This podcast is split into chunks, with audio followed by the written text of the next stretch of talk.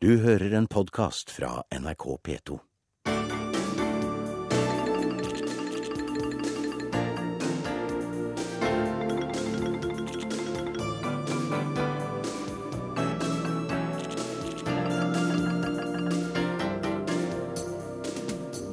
En million brasilianere retter sin vrede mot regjeringen. O povo está se aposentando com um salário mínimo, não tem transporte, não tem hospitais. Vi mangler transport og gode sykehus, sier denne sinte demonstranten.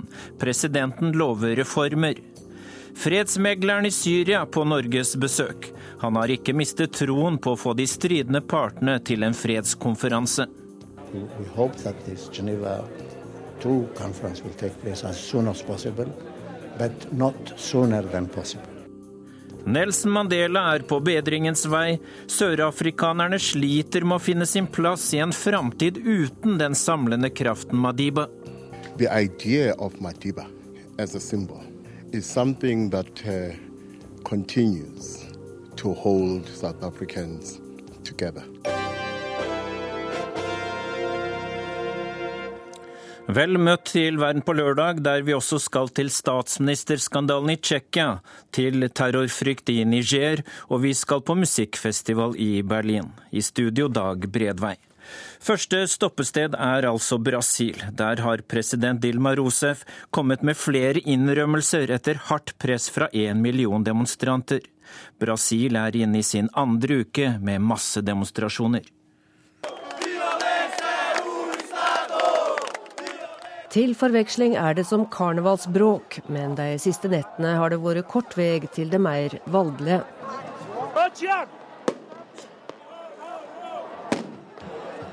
Minst et femtitalls demonstranter er skadde. Politiet skyter med gummikuler og bruker tåregass. Det som starta som Facebook-gruppa Movimento Passe Livre, organisasjonen for gratisbillett, har blitt til omfattende sosial protest. I byene Rio og Sao Paulo har billettprisene nå blitt senka, og det blir innkassert som en første seier. Men folket i gata er tørste på mer. O povo está se aposentando com um salário mínimo, não tem transporte, não tem hospitais, Vi klarer oss ikke på minimumslønn, vi har ikke transport og vi har ikke sykehus, klager ei kvinne i Rio. Pra, pra muito mais coisas, né, para lutar. É, corrupção, é preço abusivo em tudo, muito muito imposto, né, e Det er mange saker vi slåss for, og det er altfor høye bensinpriser, altfor høye skatter, sier en annen demonstrant.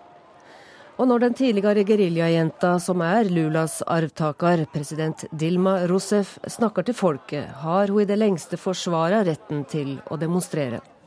Under banneret 'Et rikt Brasil, et Brasil uten fattigdom' støtta hun nylig folket som tar til gatene. Não podemos aceitar jamais conviver com ela. Isso, no entanto, não ofusca o espírito pacífico das pessoas que ontem foram às ruas democraticamente pedir pelos seus direitos.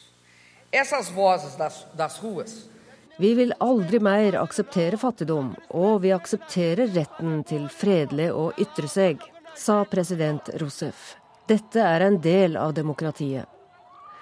Men nå har demonstrasjonene tatt av og blitt voldelige. Kongressen blir angrepet, og det er gjort framstøyt mot utenriksdepartementet i Brasilia. Raseriet ser heller ikke ut til å ha blitt mindre etter at fotballsparkeren Pelé oppfordra demonstrantene til å stoppe, og fotballfansen til å ignorere gateuroa. Mange synes det er i meste laget å bygge en stadion til tre milliarder når kamp mot fattigdom fremdeles står på dagsorden. Flere aktive fotballsparkere har gått ut og støtta protesten.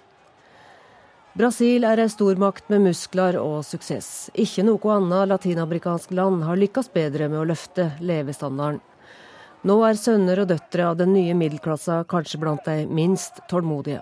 De krever mer og andre ting av regjeringa enn prestisjetunge VM og OL. Det er en ny type lolismo som nå preger gatene i Brasil. Det sa reporter Sigrun Slapkar.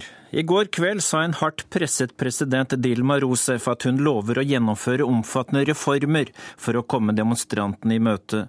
Og Johan Bull, du er en svært erfaren TV-fotograf og har fulgt flere av demonstrasjonene.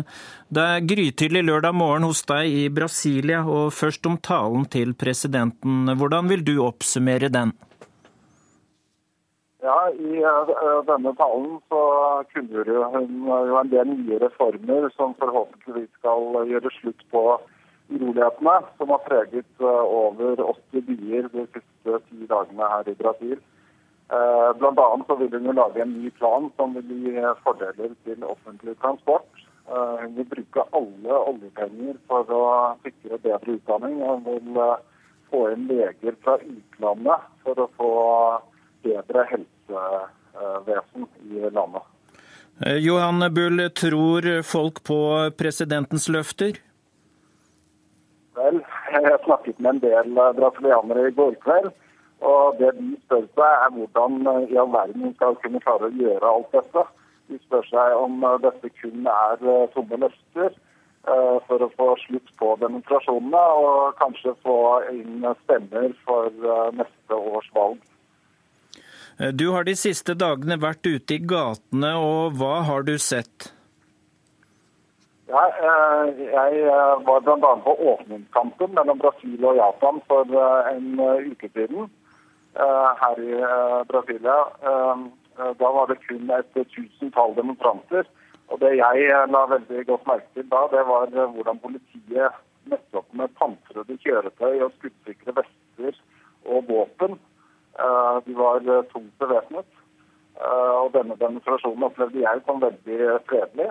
Folk ropte at de ville møte Brasil med, med fred, mens politiet da sto tungt bevæpnet.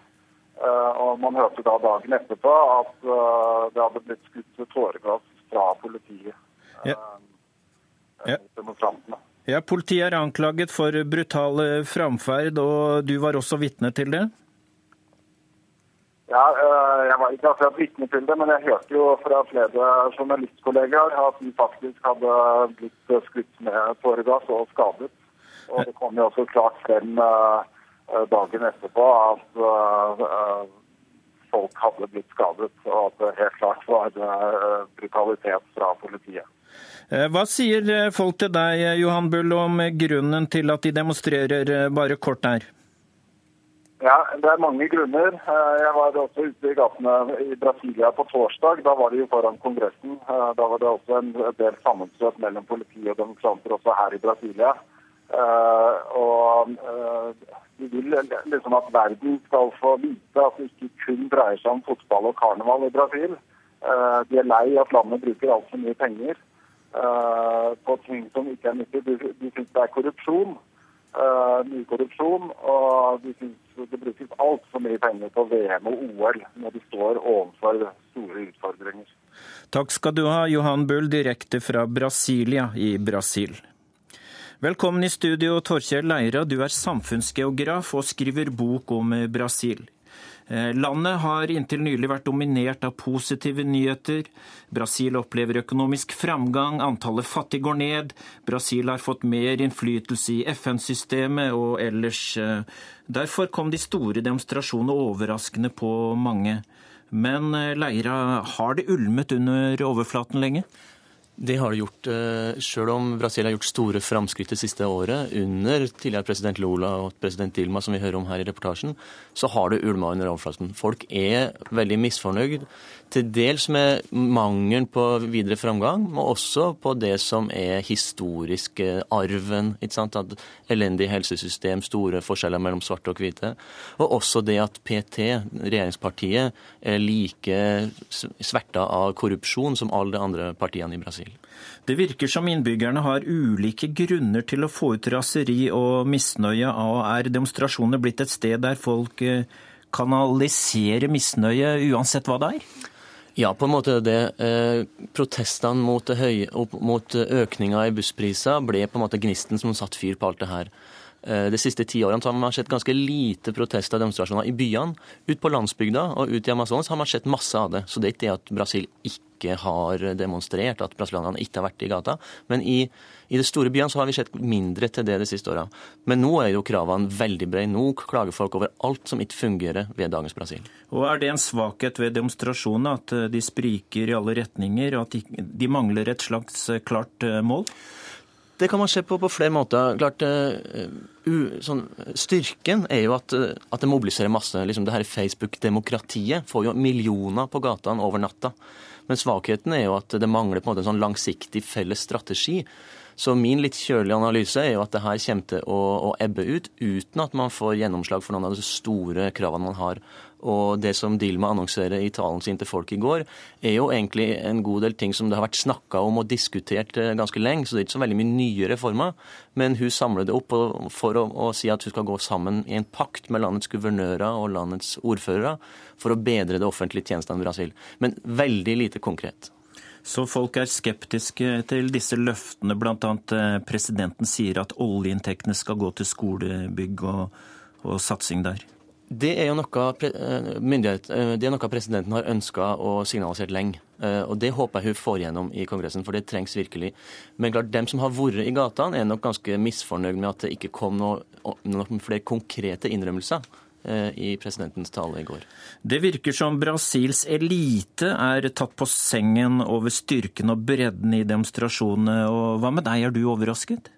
Jeg er ikke overraska. Jeg har hatt muligheten til å reise mye rundt i Brasil eh, de siste årene. Eh, og har jo sett det at urfolk protesterer mer enn noensinne. Ikke minst mot at ja, myndighetene satser veldig på økonomisk vekst og tar mindre, eh, mindre hensyn til, til, urfolk og til, til miljøet, f.eks. Det har vært flere streiker i Brasil det siste året enn på det siste tiåret. Så det har, det har vært ting som har skjedd. Men klart, landets elite og landets media er fullstendig tatt på senga.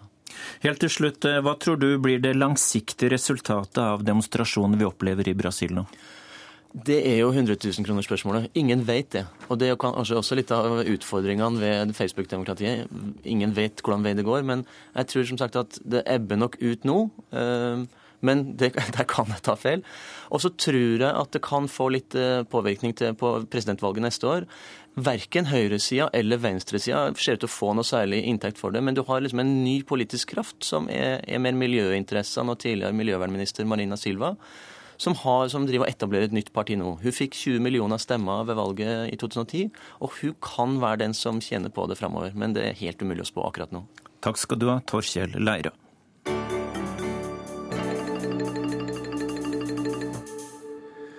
Nelson Mandelas barnebarn Ndala Mandela sier at bestefaren stadig blir bedre, og håper at han snart kan bli utskrevet fra sykehuset i Pretoria. I Sør-Afrika spør mange hva som vil skje med nasjonen den dagen Mandela forlater dem.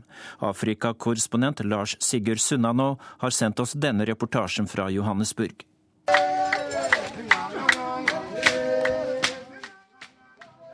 Det har vært gode tider for artistene som livnærer seg med å underholde turister med tradisjonell sang og dans utenfor hjemmet der Nelson Mandela bodde i Soveto fra 1946 til 1961. Hjemmet er blitt et museum, en nasjonal helligdom, i denne bydelen i Johannesburg, der det svarte opprøret mot det hvite apartheidregimet startet 16.6 for 37 år siden. Etter at den 94 år gamle frihetskjemperen og fredsprisvinneren havnet på sykehus i Pretoria med enda en alvorlig lungebetennelse, har turisttilstrømningen til museet økt dramatisk, i takt med den enorme mediedekningen innleggelsen er blitt gjenstand for, både nasjonalt i Sør-Afrika og ellers i verden. Sangerne og danserne utenfor har hatt et stort publikum.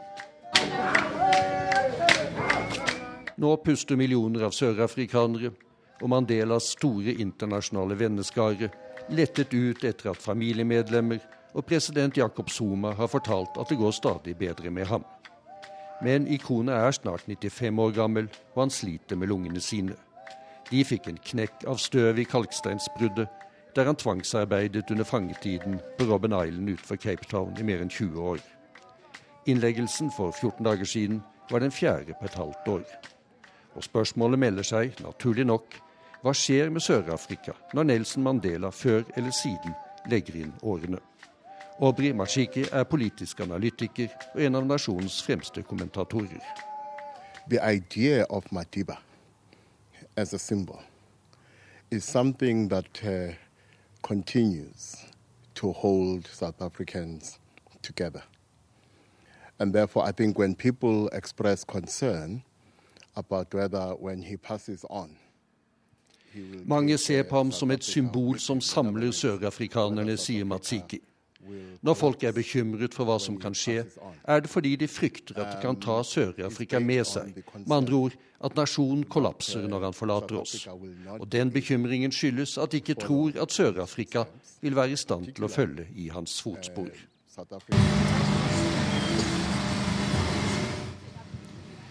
Mens aggregatene har gått for fullt utenfor sykehuset i Pretoria og forsynt nasjonale og internasjonale fjernsynsselskaper og nyhetsbyråer med strøm, til lyskastere og satellittbilene som må til for å få korrespondenter og journalister på lufta, har diskusjonene rundt Sør-Afrikas fremtid vært omfattende og heftige i sosiale medier. Der har mange hvite sørafrikanere uttrykt frykt for hva som kan komme til å skje. Noen blogger, med utspring i ekstreme hvite grupperinger helt på høyresiden i sørafrikansk politikk, har brakt overskrifter av typen 'De svarte vil massakrere hvite etter Mandelas død'. Men det er få hvite sørafrikanere vi møter, som har noen tro på det. Otti Meyer eier og driver et lite hotell utenfor Johannesburg. Han frykter ikke fremtiden. No, no, not at all. Not at all. The, um, I think there are more good people in the country than bad. Um, if it would have been the other way around, we would have, we would have noticed it. So nei, nei, ikke i det hele tatt, sier han. Det er flere gode mennesker i landet enn onde. Var det omvendt, ville vi ha merket det. Gode mennesker vil få til å gå rundt her i livet, skaffe seg utdanning, etablere familier. Og så lenge vi har flere av dem enn de få dårlige, går det bra. Og heller ikke den politiske analytikeren Obri Machiki frykter kollaps i Sør-Afrika når Nelson Mandelas dager er talte. When you pass this on, South Africa may under greater pressure to live up to the expectation of uh, making sure that they remain faithful to what he stood for. Når han forlater oss, vil Sør-Afrika kanskje komme under et større press for å leve opp til forventningene og sørge for at vi følger opp det han står for, og hva han ville ha ventet av oss som vanlige borgere, ledere i politikken og næringslivet, sier Masiki. Så derfor kan det at han forlater oss, faktisk bli limet som holder sørafrikanerne sammen. And therefore, actually, he's passing on maybe the glue South Africa needs to stay together. Du hører en podkast fra NRK P2. Fra Sør-Afrika til Syria. For i Syria tar regjeringsstyrkene stadig mer territorium fra opprørerne. Samtidig trekker det ut i tid å få i stand Genéve 2-samtalene, som kanskje kan peke veien videre mot fred i det urolige landet. Spesialutsendingen Laktar Brahimi har vært i Norge denne uka, og reporter Halvard Sandberg har møtt fredsmegleren. Laktar Brahimi forteller en vits mens han besøker Norge. Stedet er Losby Gods i Lørenskog utenfor Oslo, og anledningen er Oslo Forum, en møteplass for fredsmeglere. Og det er ingen spøk. I pausen er det mange som ønsker å snakke med mannen som har fått det tunge oppdraget fra FN og Den arabiske liga. Hva skjer med Genéve 2-samtalene? Samtalene der alle parter i Syria-konflikten skulle være med. Samtalene som skulle skje i juni. Uh, we've been saying that, uh, that you know, we, will, we hope that this Geneva 2 conference will take place as soon as possible, but not sooner than possible. Brahimi møter pressen. Han får de samme spørsmålene som de andre deltakerne på Oslo Forum har stilt ham. Hvem og hva er det som gjør at det drar ut i tid å få i stand møtet? The opposition have got to get their act together. They have got to organize themselves and be ready for that. Um, and I think also the international community has got to take important decisions. Who is going to be there? Uh, who is going to attend? How is the conference going to be organized? We are talking with the Americans and the Russians about that. We have already had a meeting on the 5th of June in Geneva, and we are having another meeting on the 25th to see uh, how soon we can get it on, but uh, you know, it's not in the interest of anybody to have it sooner than, than, than, than practical.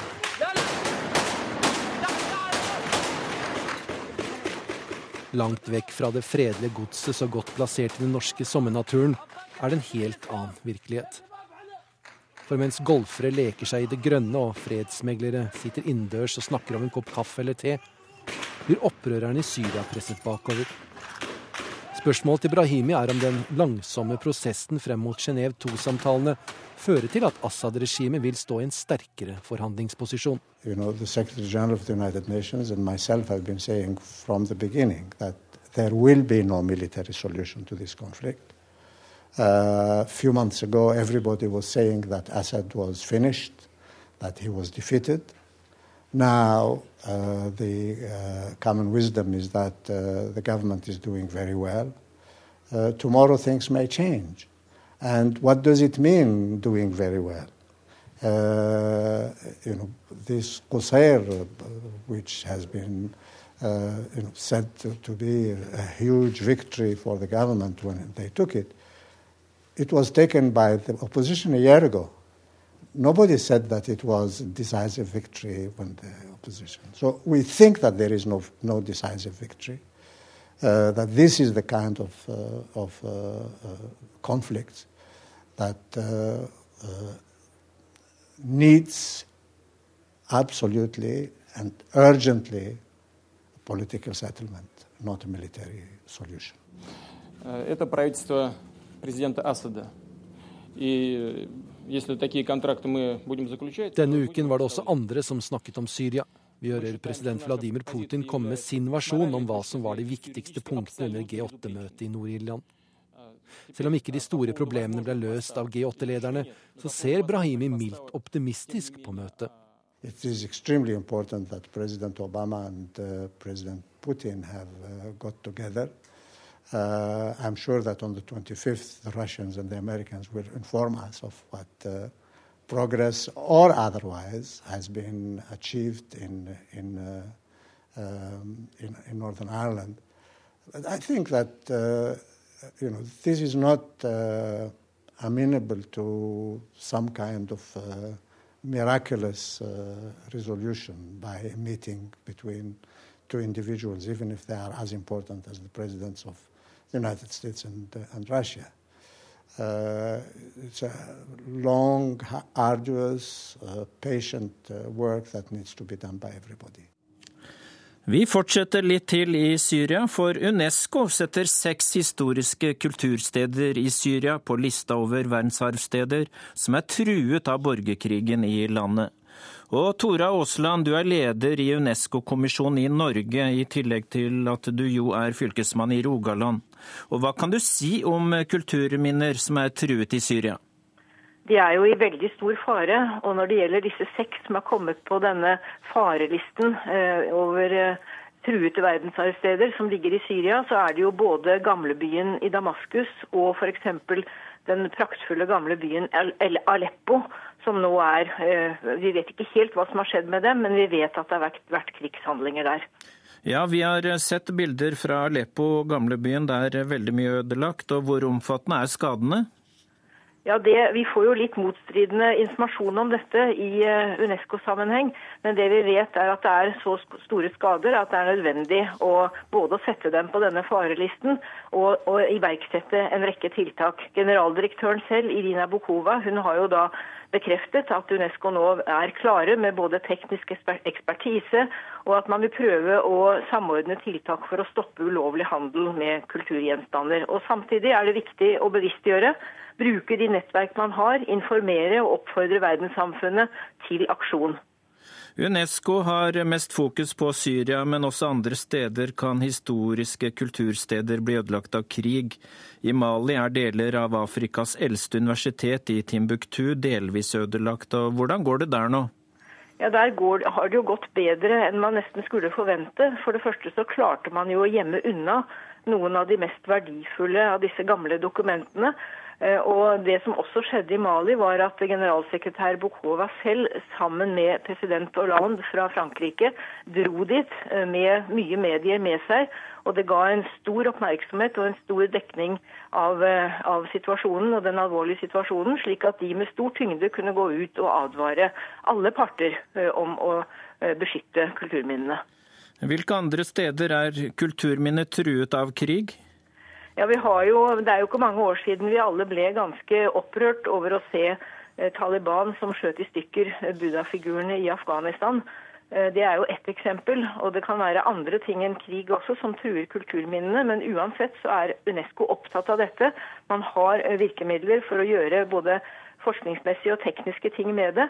Men ikke minst, det trengs en opinion i verdenssamfunnet, fordi dette er vår aller viktigste kulturarv. Det er steder som vi ønsker å bevare. Og da må hele verdenssamfunnet, og ikke minst de som er aktører på disse stedene, ta hensyn til det. Tusen takk skal du ha, Tora Aasland.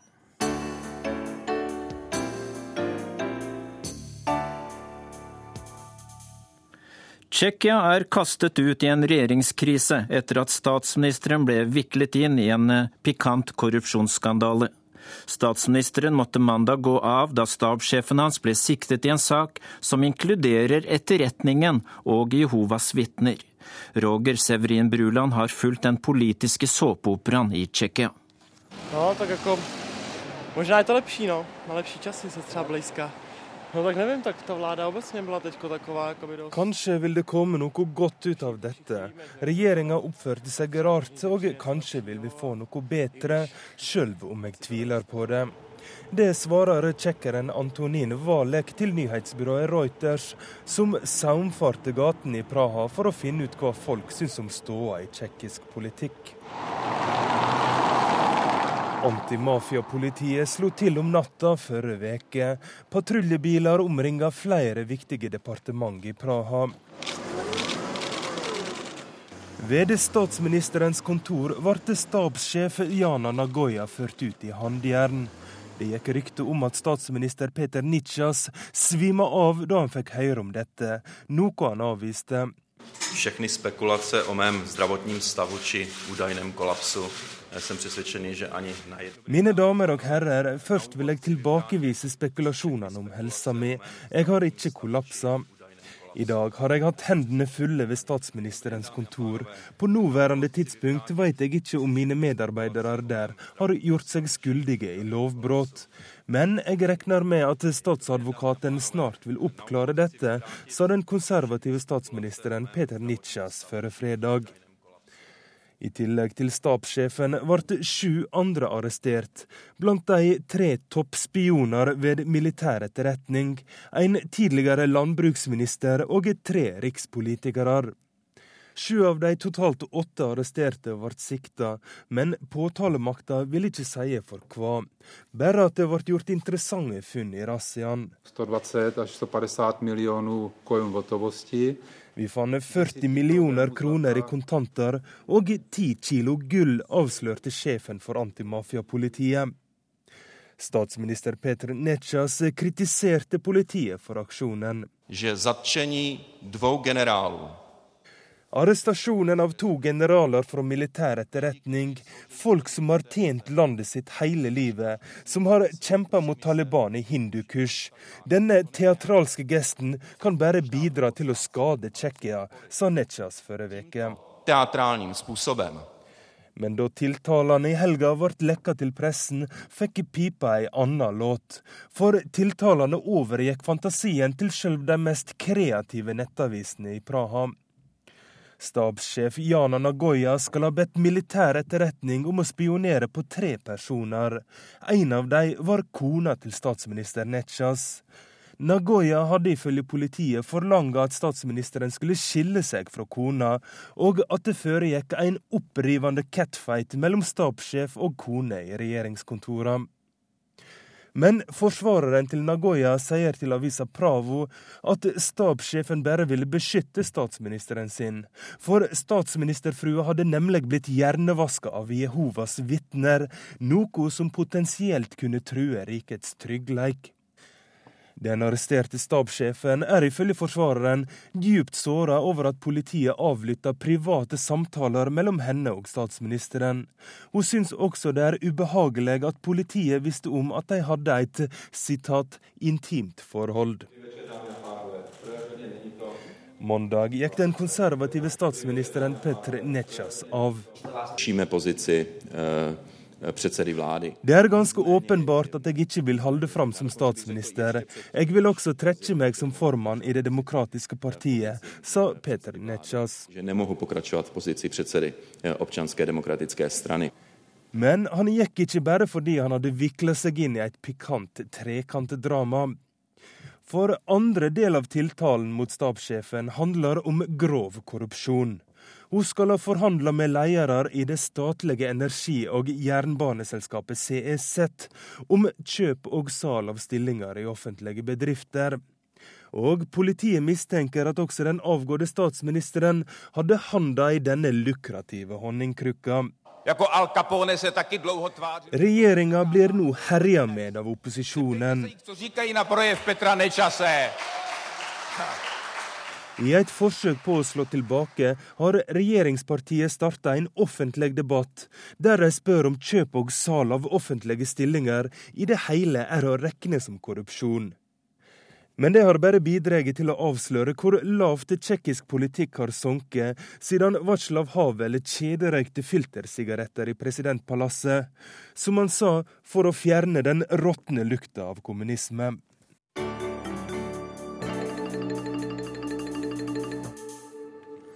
Fra Øst-Europa skal vi til Vest-Afrika. Flere terrorangrep i Niger den siste tiden har fått landet til å øke sitt sikkerhetsnivå. Plassert mellom Mali og Nigeria er landet for tiden omringet av konflikter.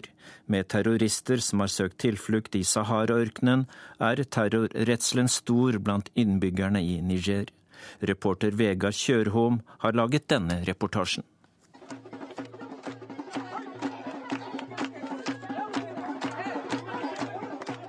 På ei slette i Niger danser de maliske kvinnene til lyden av trommer. De er glade. Glade for å komme til Niger, der det er mulig å få tak i mat. Etter måneder med konflikt i heimlandet har de maliske flyktningene endelig kommet fram til flyktningleiren i Niger.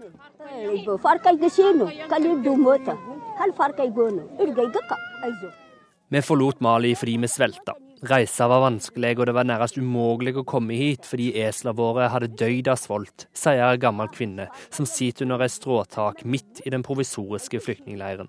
De mange maliske flyktningene har reist fra svolt og fattigdom og endt opp i Niger, landet som ligger nedst på FN sin levekårsindeks. Men det er ikke bare vanlige folk som har blitt jaga bort fra Nord-Mali.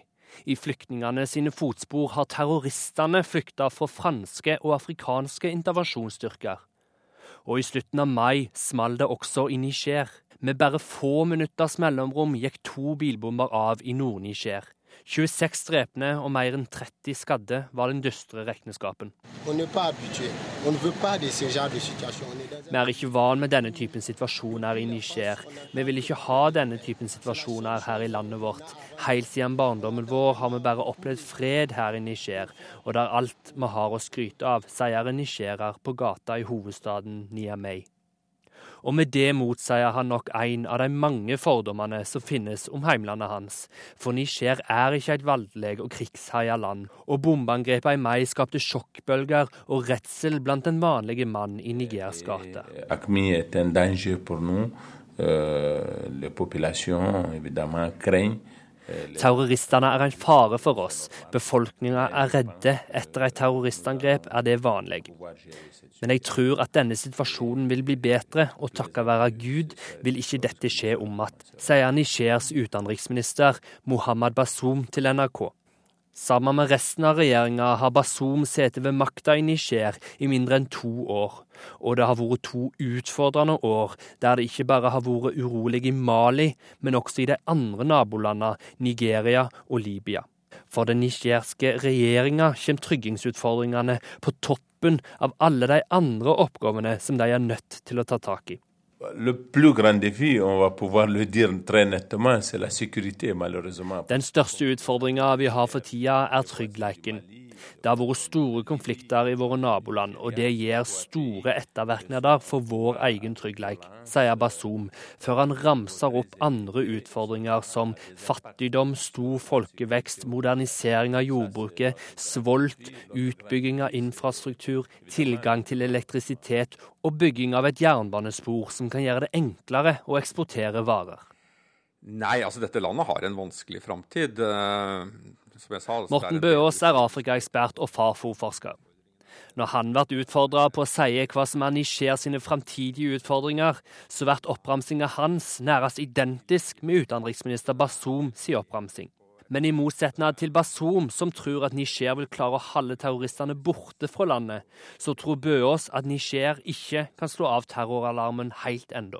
De kan helt klart bli ramma av flere angrep enn det de til nå har blitt.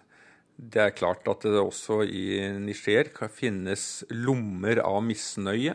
Unge folk som har fått seg noe utdanning, men som ikke finner jobber, ikke finner muligheter, og som søker svar på de utfordringene de står overfor i livet. Og det er klart For noen av disse her så kan den type islamisme, den type retorikk, det kan være fascinerende og interessant for, for noen. Bøås er ikke i tvil om at turbulensen i Niger sine naboland har ført til ekstra store utfordringer for det fattige landet. Det er klart at det som har skjedd i dette området, har en påvirkning på alle. Alle landene i regionen, og kanskje spesielt Niger, de er naboland. Og de har jo nå også fått merke dette på kroppen gjennom angrep fra islamister som tidligere var basert i Nord-Mali. For den ferske regjeringa i Niger fører terroren til enda flere utfordringer enn det de har fra før av. Mye penger går til tryggingstiltak, og dermed står det enda mindre att til alt det andre som skal gjøres.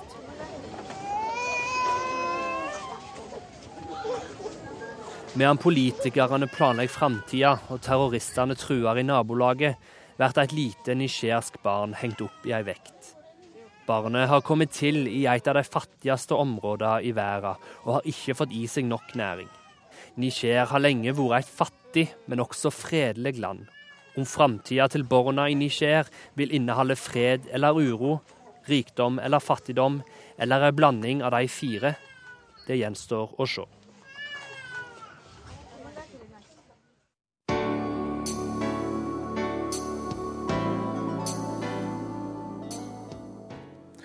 Sankthans står for døra, og like årvisst feires verdens største musikkfest, Fête de la Musique.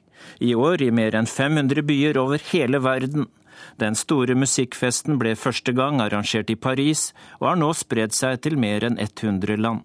Vi skal til Berlin, der vår reporter Arnt Stefansen tok del i feiringen i går kveld. Jungle of, nothing you can do. Popkoret Jenny Ben skaper stemning i sommernatten foran et hundretalls tilhørere i Berlins eldste byområde. Jeg er i det idylliske Nikolai Firtel i det østlige Berlin, der kor, orkestre og enkeltartister er i sving nesten på hvert gatehjørne. Fête de la musique er riktignok en fransk oppfinnelse, men det er et arrangement som passer perfekt i Berlin, mener berlineren Frank Itte. Also ich denke, dass die, die, die Vielfältigkeit und das auf der Straße sein und die verschiedenen Kulturen Mangfoldet, det uformelle gatepreget og det at man kan oppleve så mange ulike kulturer side om side, det er noe som fenger oss her i Berlin. Dette er jo også en by der folk er sterkt knyttet til sin bydel, sin kids, som vi sier. Og da passer det godt å lage bydelsfester som en del av dette flotte musikkarrangementet, som jo er blitt populært over hele verden, sier han. Die beste Zeit im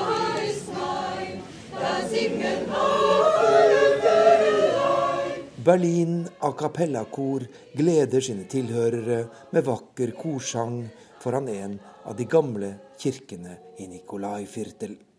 Fête de la musique i Berlin spenner vidt og bredt, med alt fra rock via visesang til klassisk musikk, fordelt på mer enn 100 scener rundt om i den tyske hovedstaden denne midtsommernattshelgen.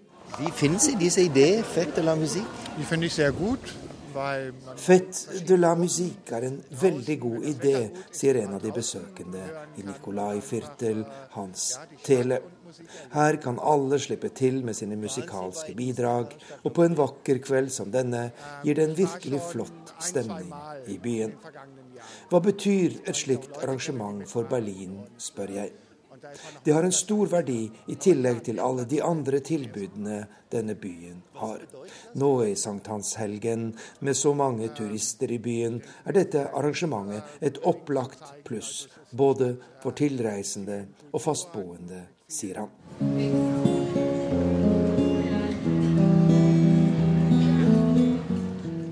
Fête de la musique er en idé som ble utviklet av franske kulturmyndigheter på begynnelsen av 1980-tallet, og det første arrangementet ble holdt i Paris i 1982. Det ble en kjempesuksess, og stadig nye land og byer har senere laget slike musikkfester. I år deltar 520 byer, blant dem rundt 300 i Europa i Fête de la Musique, og arrangementet er å finne i så ulike land som Italia, Egypt, Vietnam, Kongo, Chile, Nepal og Japan.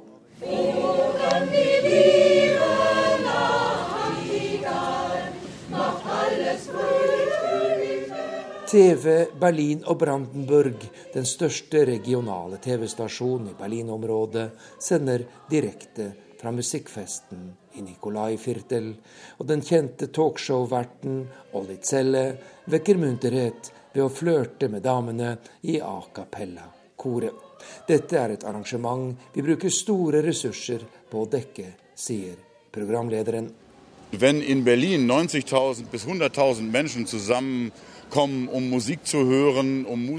Når mellom 90 og 100 000 mennesker kommer sammen her i Berlin for å høre lokale og internasjonale artister, så må vi som allmennkringkaster selvsagt være på plass. Berlin er en by med et sterkt musikkliv. Vi har et utall klubber og konsertlokaler. Lokale bands hevder seg godt, og det kommer mange gode internasjonale artister for å bo her. Det er jo et utmerket utgangspunkt for å skape en god musikkfest som denne, sier den kjente TV-journalisten.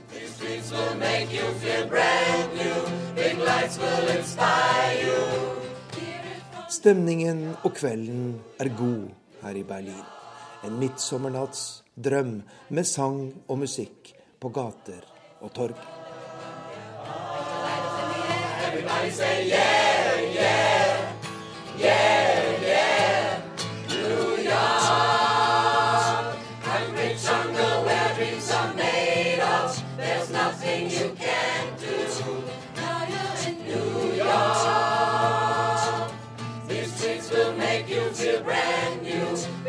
Big will inspire you.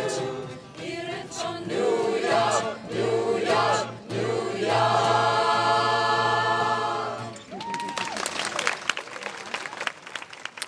Ukens korrespondentbrev er postlagt i Moskva. Også i Russland er det eksamenstid for tusener av studenter nå. Eksamensjuks er tema i brevet fra Hans-Wilhelm Steinfeld. Viseundervisningsministeren gikk av for å ta press av undervisningsministeriet, som han sa. Årets EG, enhetlig statseksamen, som avsluttende eksamen fra den videregående skolen heter her i Russland, var belemret med enorme fuskeskandaler denne våren.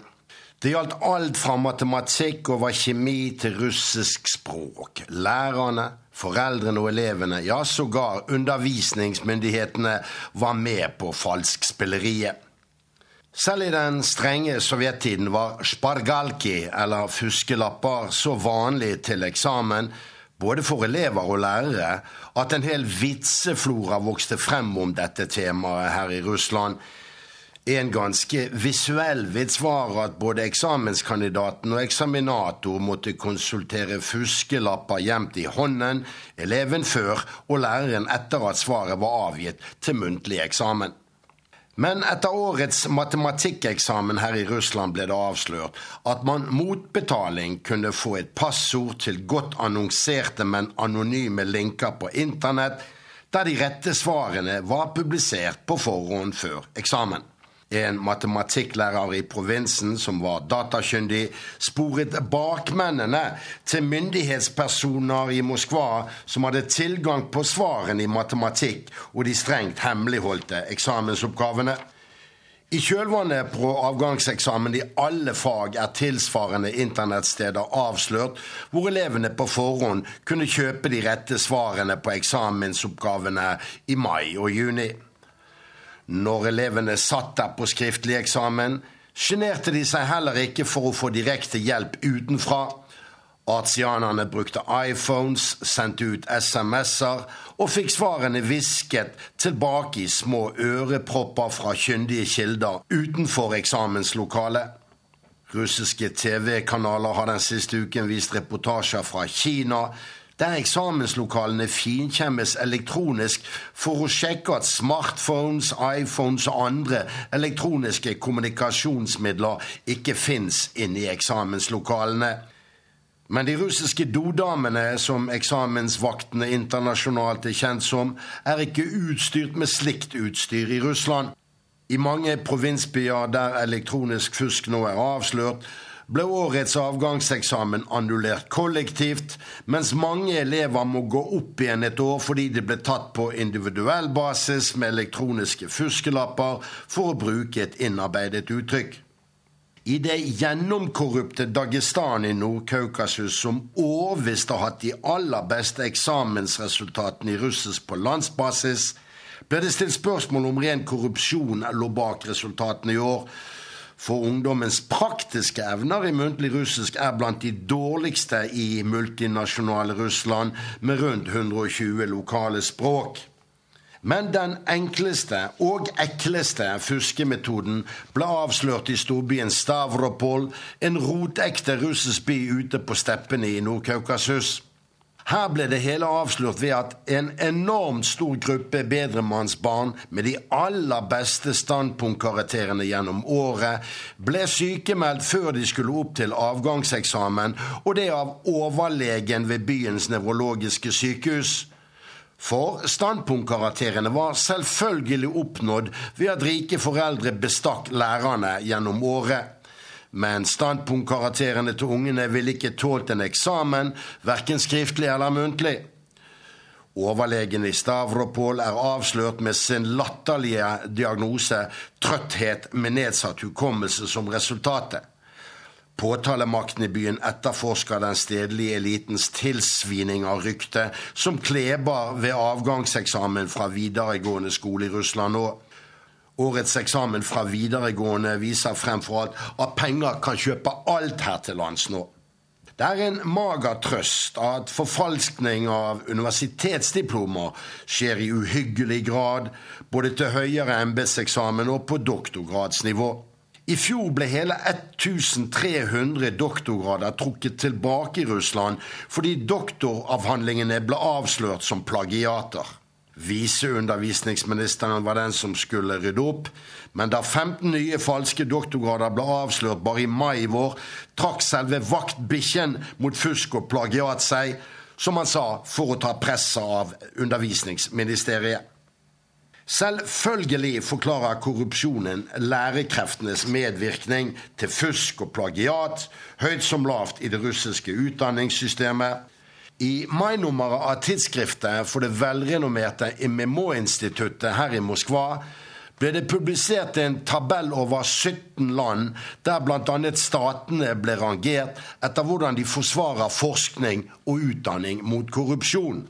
Øverst og i denne rekkefølgen kom Sverige, Finland, Danmark, Sveits og Norge.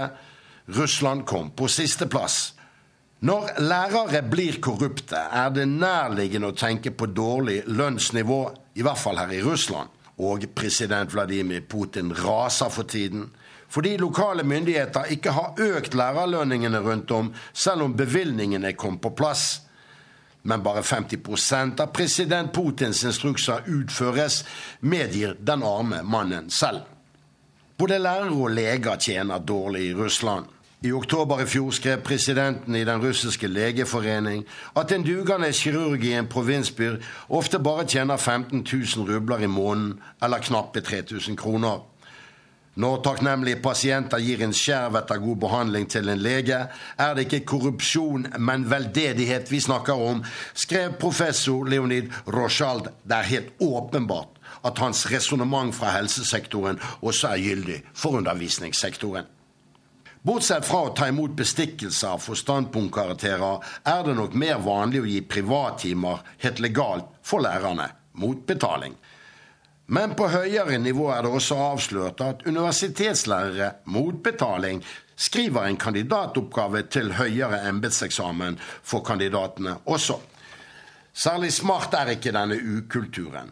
Og i det siterte tidsskriftet fra IMMO-instituttet, som betyr Institutt for økonomi og internasjonale forbindelser, ble en lang rekke land målt for innovasjonsnivå mellom 2008 og 2010, og igjen kommer Russland på siste plass.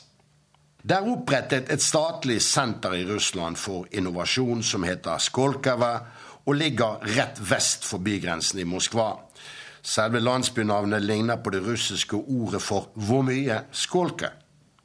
Foreløpig har den største nyheten fra innovasjonssenteret vært at et Duma-medlem fra Putins eget parti underslo kolossale midler fra dette senteret under dekke av å gi foredrag der ute. Honorarene for disse foredragene gjorde dette nokså likegyldige Duma-medlemmet til en av verdens aller best betalte foredragsholdere, ble det avslørt. Både president Vladimir Putin og statsminister Dmitrij Medvedev snakker stadig om at Russland må moderniseres gjennom innovasjon, og Skolkova skal bli det russiske Silicon Valley.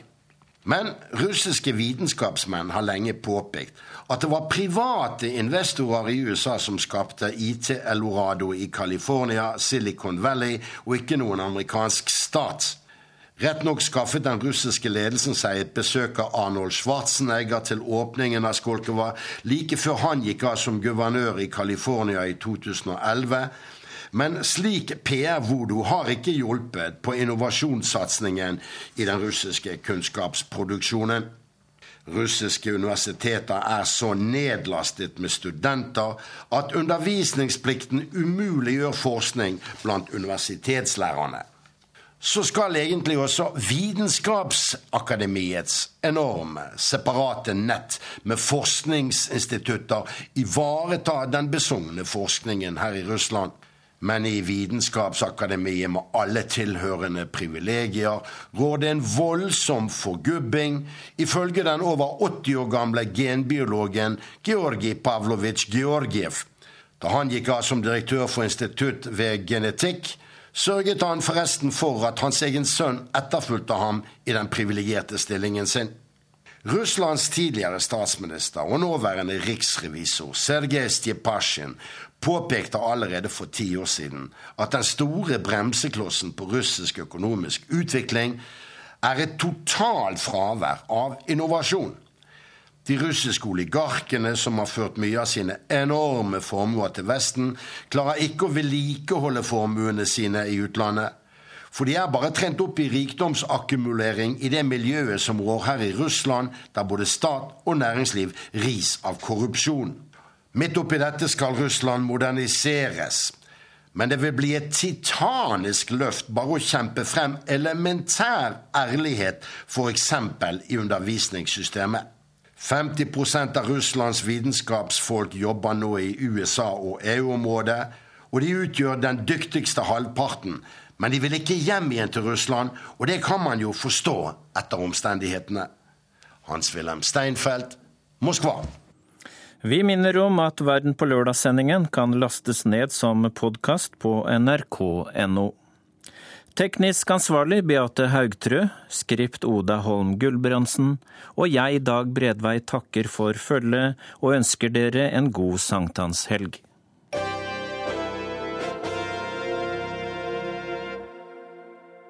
Du har hørt en podkast fra NRK P2.